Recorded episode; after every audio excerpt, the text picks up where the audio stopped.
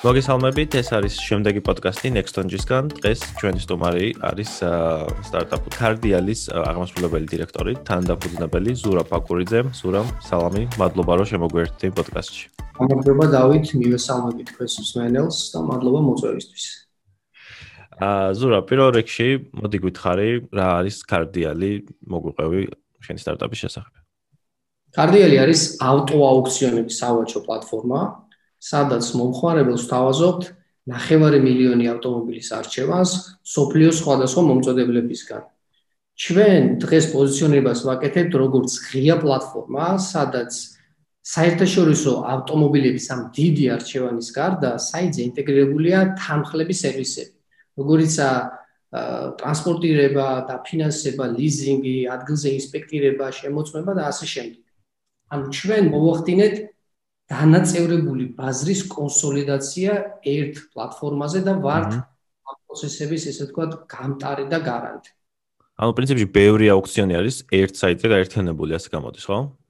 დიახ, დიახ, სოფლიოს სხვადასხვა წერტილიდან ეს არის გერმანია, საფრანგეთი, იტალია და ამერიკის დაახლოებით 270 ლოკაცია. აა ეს ყველაფერი არის გაერთიანებული კარტიელზე. ძალიან საინტერესოა. მაგალითად, აი ხომ მე ამ ბოლო დროს ვათვალიერებ ხოლმე მანქანებს, ზოგადად, იმიტომ რომ ფიქრობ დავუშვათ შეძენაზე რაღაც დროის შემდეგ და აა ძალიან ბევრი აუქციონია, მაგალითად, გამიჭირდა რომ გავრკვეულიყავი, აი ეს გამოწერა როგორ ხდება მაგალითად მანქანის ან აუქციონზე შეძენა და პრინციპში ეს ყველაფერი კეთდება თქვენ საიტზე, ხო? ესე გამოდის. განსაკუთრებით საბოლოო მომხმარებლისთვის გავამარტივეთ ჩვენი პროდუქტი. დღემდე ესე ვთქვათ მესამეჯერ განვაახლეთ ჩვენი ეს product development-ის მიმართულებით დღეს მესამე ეს არის update ვერსია. და ესე ვთქვათ საბოლოო მომხმარებლის შიშებს ესე ვთქვათ პასუხობს ანუ ემატება ამას ის რომ ძალიან ბევრი ავტომობილი არ რთულია შერჩევა და ასე შემდეგ. ამას ემატება ისიც რომ ასევე ყავს დავამატეთ კონსულტაციის ფუნქციონალი, სადაც ჩვენი პროფესიონალი კარდილერები ეხმარებიან იმ მომხმარებლებს, რომელსაც განსაკუთრებულად ჭირდებათ ავტომობილის შერჩევის პროცესში რჩევები.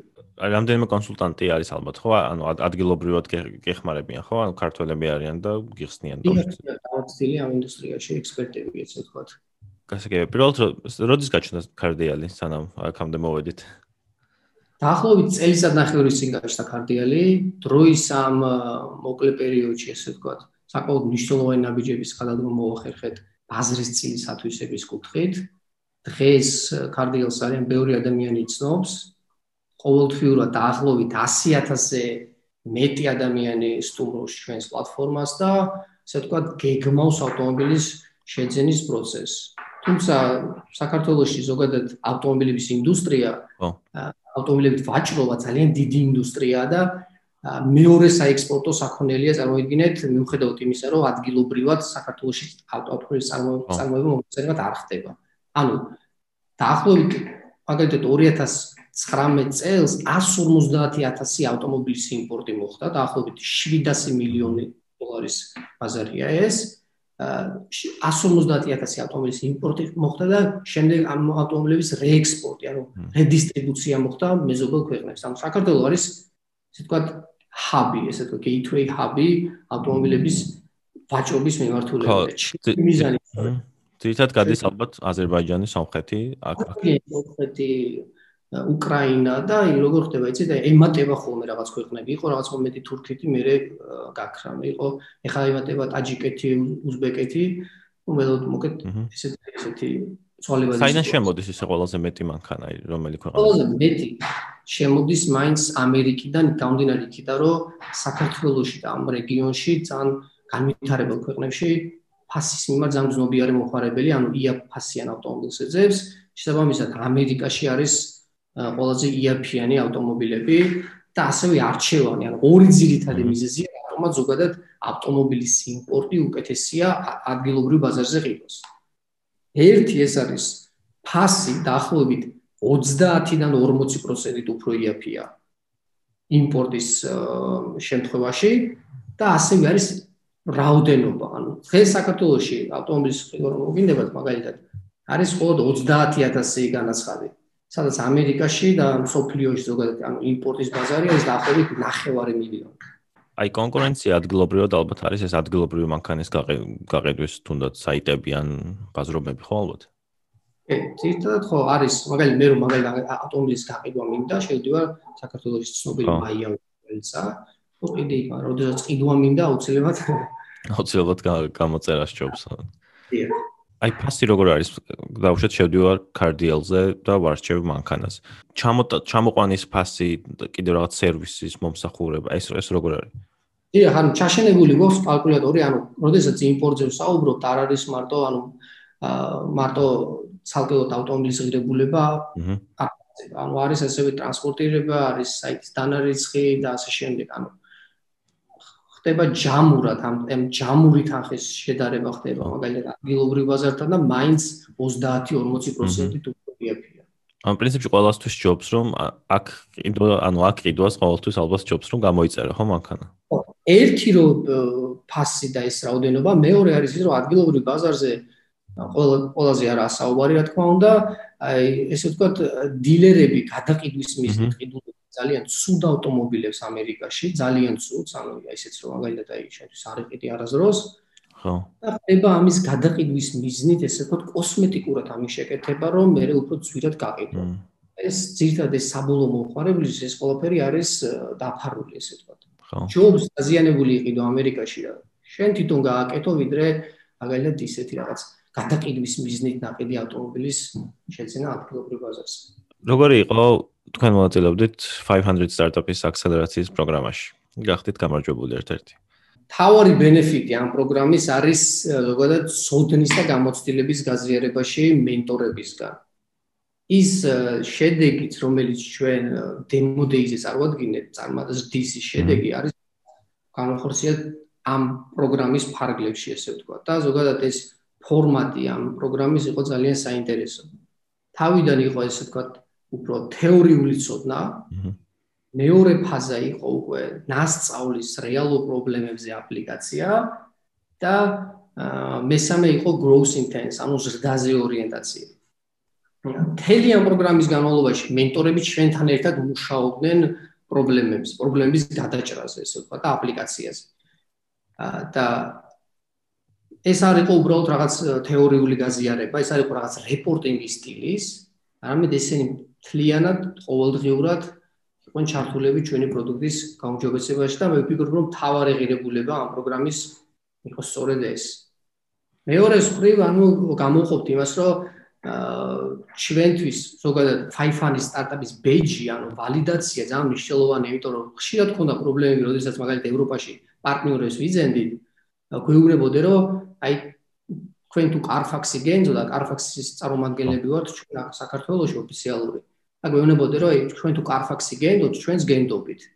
ანუ ეს ნდობის მომენტი ამ ჩვენს ინდუსტრიაში განსაკუთრებით ძალიან მნიშვნელოვანია. განსაკუთრებით როდესაც ჩვენ მათ სტარტაპი ესე ვთქვათ ხმარო მივოწნოთ ესე ვთქვათ ჩვენს პარტნიორებს ძალიან მნიშვნელოვანია ეს ბეიჯი ზოგადად რა ფაიფანის სტარტაპის სტატუსი. და ეს საკმაოდ მნიშვნელოვანი ვალიდაცია ესე ვთქვათ ჩვენთვის როგორც ადგილობრივ ასევე საერთაშორისო ინვესტორებთ. განსაკუთრებით როდესაც ახლა ჩვენ ფანდრეიზინგის რაუნდზე ვართ. აა ვალიდაცია valuation-ი ავიღეთ რა, ანუ როდესაც საქართველოს ბანკმა ჩვენსგან წილი შეიძინა, ამით განისაზღვრა ჩვენი სტარტაპების ყოველას ფლიანი ვალუაცია. აჰა. და ეს არის ასე ვთქვათ რეპუტაბელური აა ინსტიტუტის მიერ და ეხლა როდესაც ჩვენ მაგალითად სილიკონ ველიზე და სხვაგანაც გვექნება საუბარი ინვესტორებთან, ეს არ იქნება რაღაც ფარატინა ფურცელი, არამედ იქნება ასე ვთქვათ ძალიან დამაჯერებელი რეპუტაბელური ინსტიტუტის მიერ გასაზღვრული ვალიდაცია ვალიდაცია. ა სულ რამდენი ადამიანი არის ჩართული ამ ჯგუფში რამდენი ადამიანი ხართ? დაახლოებით 12 ვართ ეხა. აჰა. სამი ოთხი სტაჟიორი ყავს. აა ისე აი სხვა ქვეყნებს რაც შეეხება მაგალითად აქ ჩამოვა ჩამოდის და დაუშვით იყიდება. აი სხვა ქვეყნებში როგორ შეიძლება შევიდეს ეს ყველაფერი? აი მაგალითად ეს ავტო მანქანების იმპორტი და ექსპორტი რა, ხო? ეგეთ ანუ ზოგადად აა საქართველოსი დაიწყო ეს იმპორტის მიმართულება, ესეთი gateway hub-ია, მაგრამ ორი დაახლოებით წელიწადახევრის წინ უკრაინის ბაზარი დაემატა. მანამდე იყო, ესე ვთქვათ, აი ხა მოიხსნა ესე ვთქვათ შეზღუდვა იმპორტულ იმპორტირებულ ავტომობილებზე. და დღეს იქ არის ასე ვთქვათ ბუმი უკრაინაში. რადგან ასე ხა მოგეხსენებათ, უკრაინა დაახლოებით 10 ჯერ უფრო დიდია ჩვენს ბაზარზე. ანუ მოხდება ის, რომ ჩვენ ეს გაფართოებას განვითარებას ვფიქრობთ, ანუ მიწოდების კუთხით იგივე ინვენტარი რჩება. ანუ იქ რაც ინვენტარის დღეს ჩვენ საქართველოს ბაზარს ვაწუდით, იგივე ინვენტარი შევდივართ უკრაინაში. ანუ ჩვენთვის როდესაც განვითარებაზე საუბრობთ, ერთი არის მიწოდების კუთხით განვითარება, ანუ ჩვენ ყავს უფრო მე დივერსიფიცირებული ავტომობილი უნდა გქონდეს, ესე ვთქვათ, სხვადასხვა მოწოდებლებისგან, სხვადასხვა მოდელის და ესე ვთქვათ, კლასის და ასევე განვითარება არის უკვე ასევე მოთხოვნის კუთხით. მოთხოვნის კუთხით არის ესე ვთქვათ, უკრაინა, აზერბაიჯანი და სასუნთქეთი და ზოგადად რეგიონალური ბაზარი განვითარების საკმაოდ დიდ პოტენციალს იძლევა ჯამში 3 მილიარდი ბაზარი 3 მილიარდი დოლარის ავტოინდუსტრიას ქმნის რეგიონალური ბაზარი. ძალიან საინტერესოა. ისე მაგალითად უფრო ევროპის ქვეყნებზე რო წავიდეთ, იქ ალბათ ეს ეს ინდუსტრია იმდენ არ არის, ხო? იმიტომ რომ აქ უფრო აგრე უფრო საინტერესო მომენტია ეს ეს პროცესი, ეს ჩვენი მოდელი, ბიზნეს მოდელი მუშაობს განვითარებული ქვეყნებიდან განვითარებად ქვეყნებში. ანუ ეს ავტომობილები ევროპიდან, ევროპაში ჩვენ ვითარდები ვიშლებით, ესე ვთქვათ, მაგრამ მიწოდების კუთხით, ანუ supply side არის უფრო ევროპა, ანუ ევროპიდან მოყავს განვითარებად ქვეყნებში. ხო, ამერიკიდან მოდის თავში იაპონიიდან. დიახ, ევროპა, იაპონია არის ძირითადი, ძირითადი მიუხედავად იმისა, რომ საქართველოს შეიკრძალა, იაპონია არის გერმანია, ანუ ევროპა უფრო სწორად თლიანად, მაგრამ უფრო გერმანია და ამერიკა. ეს არის ძირითადი, ესე ვთქვათ, აქედან ხდება რედისტრიბუცია. იაპონურ ავტომობილებზე ახსენე, მახსოვს რომ იყოს უსაუბარი ეს მარჯვენა საჭიანი მანქანებზე და ბოლოს სიმართლე გითხრა არ მახსოვს რა არის გადაწყვეტილება, ანუ რაღაც წლის მერე აღარ შეიძლება გამბაჟება. ხო, გაძვირდა მარჯვენა საჭიანი ავტომობილის ამბაჟება მიუხედავად იმისა, რომ საკმაოდ კარგი ინვენტარი აქვთ იაპონელებს, ძალიან მოვლილი ავტომობილები, ესე ვთქვათ, საბოლოო მომხმარებლის, როდესაც ჩვენ ახლა მომხმარებელი მაგალითად მოგმართავს ჩვენი პროდუქტი საკმაოდ ესე ვთქვათ, რთულია მოსანელებლად, ესე ვთქვათ, ანუ დაილეკოს თავი, ანუ ერთ დღეში ადამიანი მაგალითად ორ დღეში გადაწყვეტილებას ვერ იღებს, იმიტომ რომ ეს არის რაღაც Amazon-ზე რაღაც ჩარჯერის ყიდვა მაგალითად, არამედ რაღაც დამნიშნულოვანია ცხოვრებაში. ამიტომ ამით ვცდილობთ ამის ოპტიმიზაციას და ჩვენი პროდუქტი ან აუპერკულ ავტომობილები და ზოგ შემთხვევაში დაზიანებული ძალიან რთული რთულად აღსაქმელია და ასე ვთქვათ ხო. რო ჭირდება იაპონური მანქანები არის ძალიან მარტივი ესე ვთქვათ ძალიან მარტივად იყიდებოდა ანუ ძალიან კარგ მდგომარეობაში იყო და ეს ლიკვიდურობისთვის ჩვენთვის ძალიან კარგი იყო მაგრამ მოკლედ დაახლოებით აი რა დრო სჭირდება ალბათ განსხვავებულია ეს მაგრამ არ ვიცი გამოწერას, ანუ თვითონ ჩამოსვლას ამ პროცესს. ხო, ანუ პროცესი არის ესე ჩაშლილი.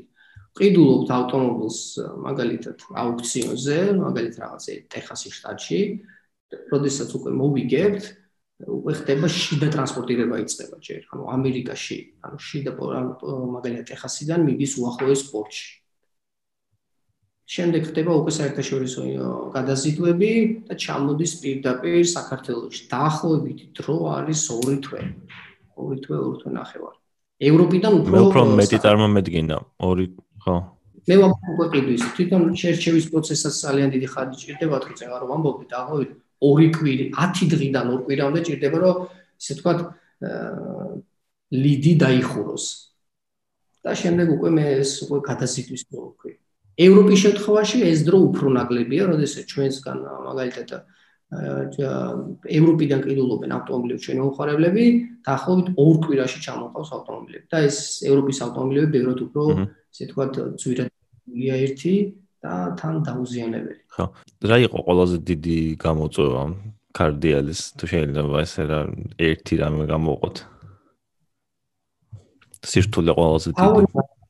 თავი გამოწვევა ანუ იყო ზოგადად ეს მომხმარებლის შიში ესე თქვა რა ავტომობილის შეძენის ზოგადად ჩვენი ინვენტარი იყო ესე თქვა ძალიან სპეციფიური ამის მისაღწევად ჩვენ სამჯერ განვაახლეთ ჩვენი პროდუქტი და ბოლოს ეს ხა მესამე ვერსია რაც არის რეალოდ მივხვდით რომ პასუხობს მომხმარებლების მომხმარებლის მოთხოვნებს იმიტომ რომ დაახლოებით ორი კვირის თავზე როდესაც ეს ახალი განახლებული ვერსია გაუშვით შემცირდა გაუნჯობესდა ჩვენი bounce rate-ი, ანუ რა არის bounce rate-ი 40%-ით.